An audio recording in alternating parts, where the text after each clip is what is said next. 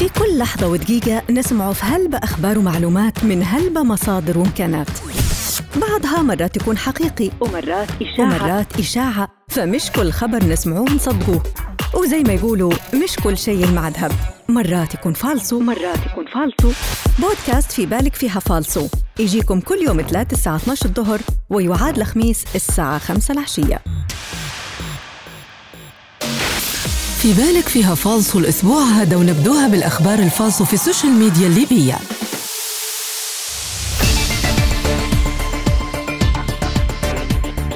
عقب عودة المدارس هل تفشت كورونا بين الطلاب؟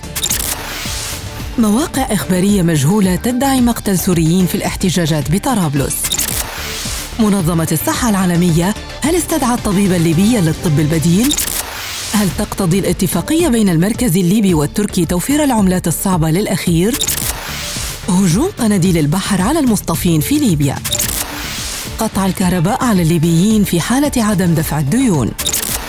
تسليم كل كتيب عائلي ليبي 25 ألف دينار وإعادة فتح منظومة أرباب الأسر بمبلغ 500 دولار للفرد. وفي الأخبار الدولية وافقت السعودية على عبور الطائرة الإسرائيلية مجالها الجوي. لم تصرح وكالة ناسا بأن قمرا صناعيا سيسقط على الأرض رغد صدام حسين لم تأمر بتوزيع صدقات على العرب هل بذور البامية مضادة للاكتئاب؟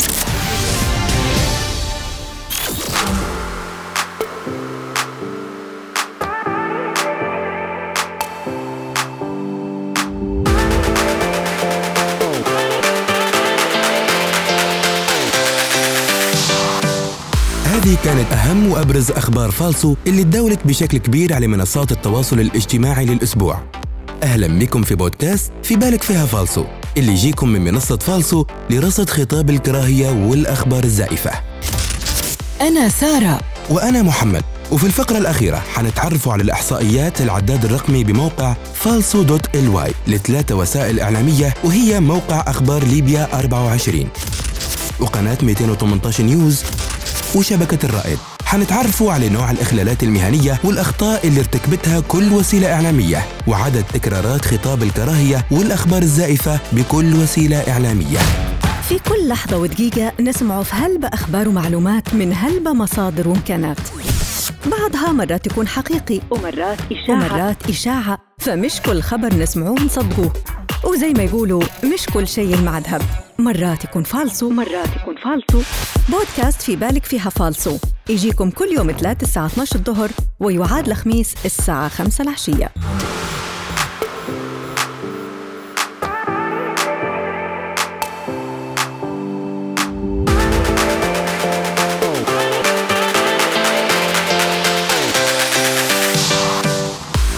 عقب عودة المدارس هل تفشت كورونا بين الطلاب؟ تداولت بعض صفحات مواقع التواصل الاجتماعي خبر مفاده إصابة ثلاث طلاب داخل بلدية جنزور وحالتي اشتباه لطالبين داخل بلدية طرابلس المركز. منصة فالصو لرصد خطاب الكراهية والأخبار الزائفة اتواصلت مع الأستاذة أسماء التجازي من وزارة التعليم وعضو اللجنة العليا الاستشارية لوباء كورونا واللي أكدت أن لا إصابات داخل البلدية ضمن الكوادر الطلابية أبداً. كما تم التواصل مع الدكتور محمد شنبش عضو اللجنة العلمية الاستشارية لوباء كورونا واللي أكد كذلك عدم تسجيل أي حالة إصابة داخل صفوف الطلبة في كل من بلديتي طرابلس المركز وجنزور حتى الآن. ولكن أشار إلى أن إصابات الطلبة متوقعة نتيجة الوضع الوبائي اللي هو الآن في المرحلة الرابعة داخل ليبيا. مواقع أخبارية مجهولة تدعي مقتل سوريين في الاحتجاجات بطرابلس. ادعت بعض الصحف الإلكترونية وصفحات مواقع التواصل الاجتماعي مقتل ثلاث سوريين من قبل مجهول خلال الاحتجاجات اللي شهدتها منطقة الدريبي بالحي الصناعي جنوب غرب مدينة طرابلس. اتحققت منصة فالصو لرصد خطاب الكراهية والأخبار الزائفة من خلال الحسابات الرسمية لكل من وزارة الداخلية ومديرية أمن طرابلس التي لم تجد فيها أي إشارة إلى جرائم قتل داخل منطقة الدريبي. كذلك بالعودة للمواقع الثلاثة اللي قامت بنشر الخبر وجدت المنصة أن المواقع لا تحتوي على بيانات حقيقية مثل الإيميل للتواصل أو الصندوق المخصص للبلاغات أو أي أسماء خاصة برئيس التحرير أو المدير العام أو أي ممثل لها. كما أن هذه المواقع استعملت في نشرها للخبر مصادر غير موثوقة أو رسمية وكانت صيغة الخبر في المواقع الثلاثة ذاتها مع بعض التحريفات في الصياغة يعني المواقع هي ليست مواقع عالمية أو ليبية وهي غير موثوقة منظمة الصحة العالمية هل استدعى الطبيب الليبي للطب البديل؟ في ظل البحث المتكرر عن علاج أو لقاح يكافح جائحة كورونا التي هزت العالم انتشر عبر مواقع صفحات بالفيسبوك خبر أن منظمة الصحة العالمية استعانت بالدكتور سعد زبيطيه العرفي القادم من مدينة سلوق الواقعة جنوب مدينة بنغازي وذلك بعد توصله لعلاج الجائحة الذي اكتشفه بمحض الصدفة.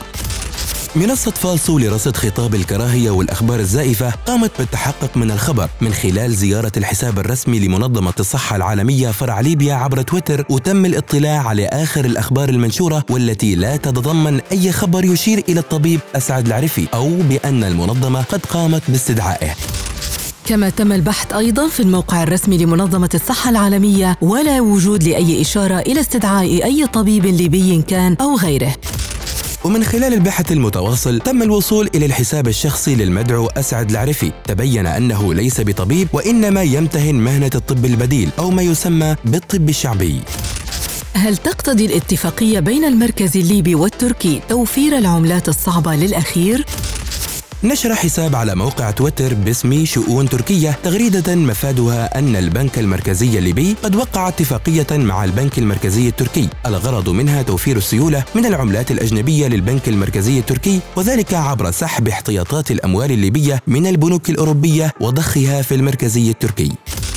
الحساب الذي قام بنشر التغريدة المضللة بحسب منصة فالسو لرصد خطاب الكراهية والأخبار الزائفة هو حساب قد تم إنشاؤه في أغسطس من عام 2019 من مدينة الإسكندرية وهو حساب مخصص للهجوم على تركيا وحلفائها السياسيين وأيضا ينتهج نهج التضليل والسب والقذف والشتم واختلاق الأخبار. الحساب ليس مؤكدا على موقع تويتر.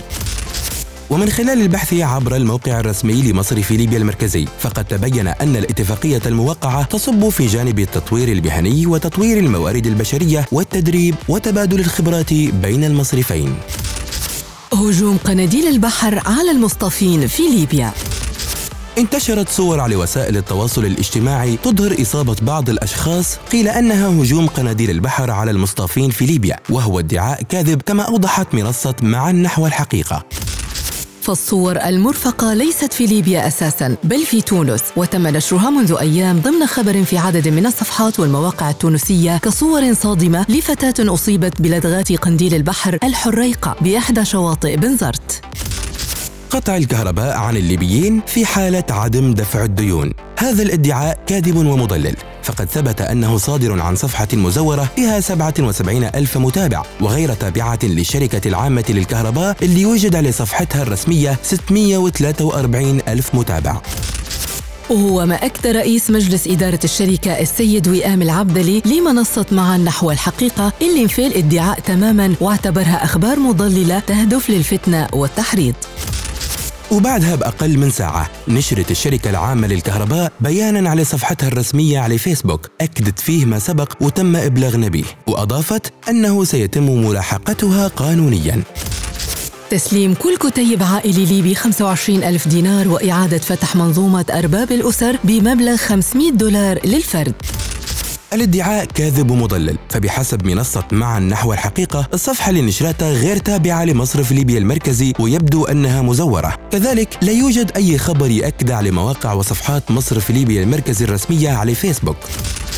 وهو ما أكد السيد رمزي الآغا رئيس قسم السيولة النقدية في المصرف المركزي البيضاء لمنصة معا نحو الحقيقة واللي انفى الادعاء بشكل قاطع. ومن الأخبار المحلية للأخبار الدولية. حيث وافقت السعودية على عبور الطائرة الإسرائيلية مجالها الجوي. تحقق مسبار من المنشورات المتداولة ووجد أنها صحيحة وكانت السلطات السعودية نشرت موافقة على مرور طائرة شركة إلعال الإسرائيلية في مجالها الجوي واللي نقلت على متنها وفدا أمريكيا وإسرائيليا إلى الإمارات العربية المتحدة. وإلى خبر آخر يقول لم تصرح وكالة ناسا بأن قمرا صناعيا سيسقط على الأرض. تحققت منصة مسبار من الخبر ولقيت أن العنوان والتفاصيل جاءت بهذه الصياغة بهدف الإثارة والإيحاء بأن هناك كارثة قادمة إلى كوكب الأرض كما بقية الكوارث التي حدثت عام 2020 في حين أن التقرير اللي جاء على صفحات الوكالة لم يأتي على هذه الشاكلة بتاتا.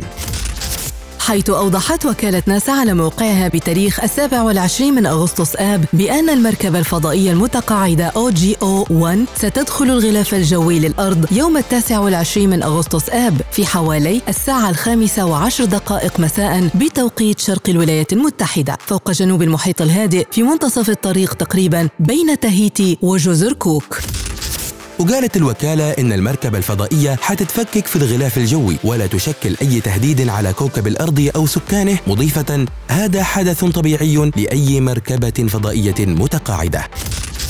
رغد صدام حسين لم تأمر بتوزيع صدقات على العرب.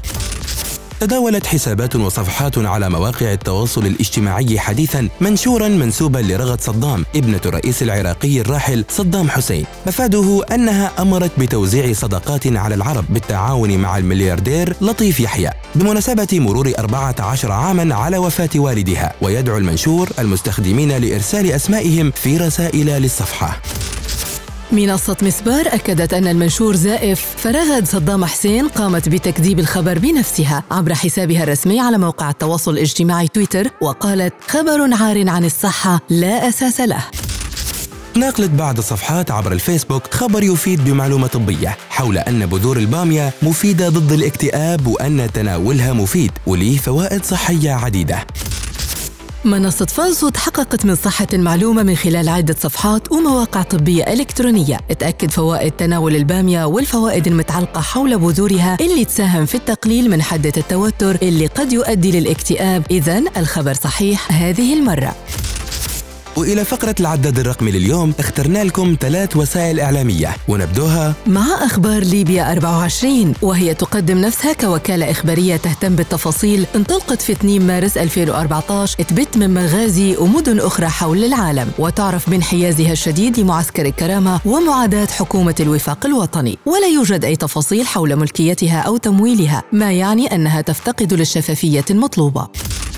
ارتكبت وكالة أخبار ليبيا 24 1145 إخلال مهني بحيث تركزت الإخلالات المهنية حسب الأشكال الصحفية. في الخبر أو التقرير الإخباري 723 إخلال بنسبة 61% أما في تصنيف خطاب الكراهية وتغطية النزاعات المسلحة فتركزت الإخلالات في التحريض والسب والتشهير بعدد 610 إخلال بنسبة 74% أما فيما يخص الإخلالات المهنية حسب منتج أو مصدر الخرق فتصدرت إدارة التحرير بعدد 613 إخلال بنسبة 53% أما عن الإخلالات المهنية حسب تصنيف الأخبار الزائفة فكانت الاتهامات بدون أدلة الأعلى نسبة بعدد 136 إخلال بنسبة 42% قناة 218 نيوز.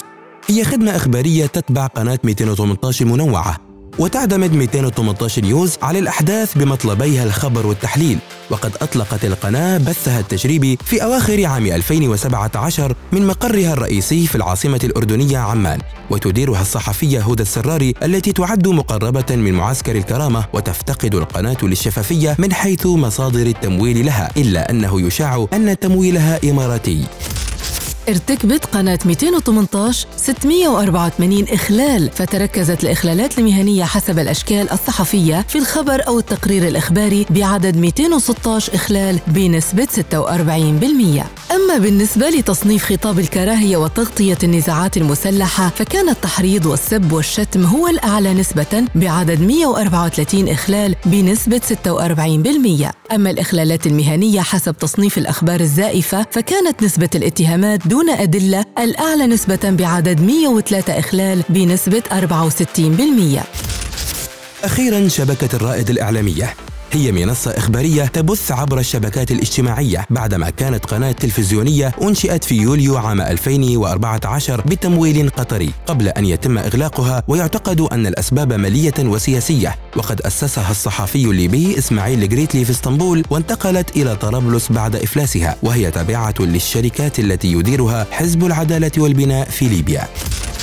ارتكبت شبكة الرائد 1014 إخلال حيث تركزت الإخلالات المهنية حسب الأشكال الصحفية في الخبر أو التقرير الإخباري بعدد 642 إخلال بنسبة 63% أما في تصنيف خطاب الكراهية وتغطية النزاعات المسلحة فكانت النسبة الأعلى للتحريض والسب والتشهير بعدد 507 إخلال بنسبة 79% أما الإخلالات المهنية حسب منتج أو مصدر الخرق فكانت النسبة الأعلى في إدارة التحرير بعدد 642 إخلال بنسبة 64% أما الإخلالات المهنية حسب تصنيف الأخبار الزائفة فكانت الاتهامات دون أدلة هي الأعلى بعدد 218 إخلال بنسبة 58% وبهيك نكون وصلنا لنهاية بودكاست في بالك فيها فالصو هذا الأسبوع. ما تنسوش تزوروا صفحتنا على فيسبوك منصة فالصو لرصد خطاب الكراهية والأخبار الزائفة. وموقعنا الإلكتروني فالصو dot ly. وحتى حسابنا على إنستغرام وتويتر فالصو dot ly. أخبار جديدة وحقائق جديدة تسمعوها ديما في بودكاست في بالك فيها فالصو. ما تمشوش بعيد استنونا وإلى اللقاء. في كل لحظة ودقيقة نسمع في هلبة أخبار ومعلومات من هلبة مصادر وإمكانات. بعضها مرات يكون حقيقي ومرات إشاعة. ومرات إشاعة. فمش كل خبر نسمعوه نصدقوه وزي ما يقولوا مش كل شيء مع ذهب مرات يكون فالصو. ومرات يكون فالصو. بودكاست في بالك فيها فالصو. يجيكم كل يوم ثلاث الساعة 12 الظهر ويعاد الخميس الساعة 5 العشية.